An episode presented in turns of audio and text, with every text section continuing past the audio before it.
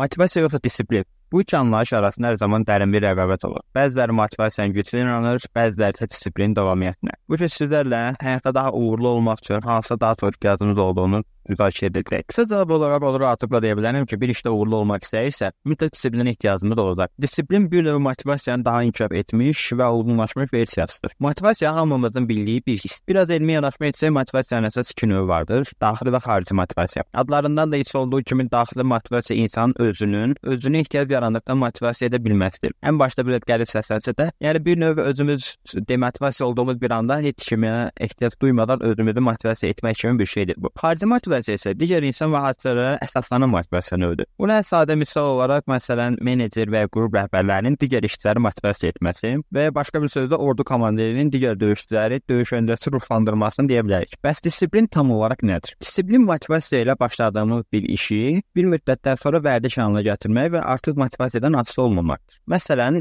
mən özümdən misal çəksəm, buna əsasən məşq etməyə nəzərdə tuta bilərəm. Məsələn, mən məşq etmək üçün hər hansı bir motivasiyanın gəlməsini gözləmirəm artıq. Hər zaman əvvəldən nə zaman məşq etməli olduğumu bilirəm və ona uyğun olaraq gedirəm. Bu artıq disiplindir. Bu prinsipi həyatımın hər hissəsinə tətbiq etməyə çalışıram. Çünki motivasiya hər an yox ola bilər açığı çox zamanda belə olur. Amma bir dəfə disiplinli olduqdan sonra artıq demək olar ki, həmin işdə hər zaman belə qalırıq. Motivasiyaya geri dönsək, düşünürəm ki, işə xarici motivasiyadan asılı olmamaqla başlamaq lazımdır. Ən azından əsas fokusumuz daxili motivasiya olmalıdır. Ehtiyac yarandığı təqdirdə özümüzü lazım motivasiyanı verib görməli olduğumuz işləri görməliyik. Çox zaman yeni başladığımız bir işi vərdiş və disiplin halına salmaq üçün minimum 3 həftə və yaxud da 21 gün ehtiyacımız olduğu bildirilir. Ümumi olaraq 3 aydan sonra və 90 gündən sonra isə artıq tam olaraq həmin işdə motivasiyadan asılı olmadan disiplinli bir şəkildə istənilən halda həmin işi yerinə yetiririk. Bu iş hər bir şey ola bilər, istər bu arıqlamaq qərarı almaq və yaxud da fitness performansımızı artırmaq, ümumi olaraq hər bir iş. Xülasə olaraq bunu demək olar ki, əsas fokusumuz hər zaman disiplin olmalıdır və ehtiyac yarandıqda özümüzə olan inancımızı diriltmək üçün motivasiyadan istifadə etməliyik. Günün sonunda biz robot yox, insanıq. Yəni disiplinli olsaq belə hər zaman eyni performansda ola bilmərik. Bunun belə anlarda isə əsas köməkçimiz özümüzün özümüzü motivasiya etməsidir. Bəs siz necə?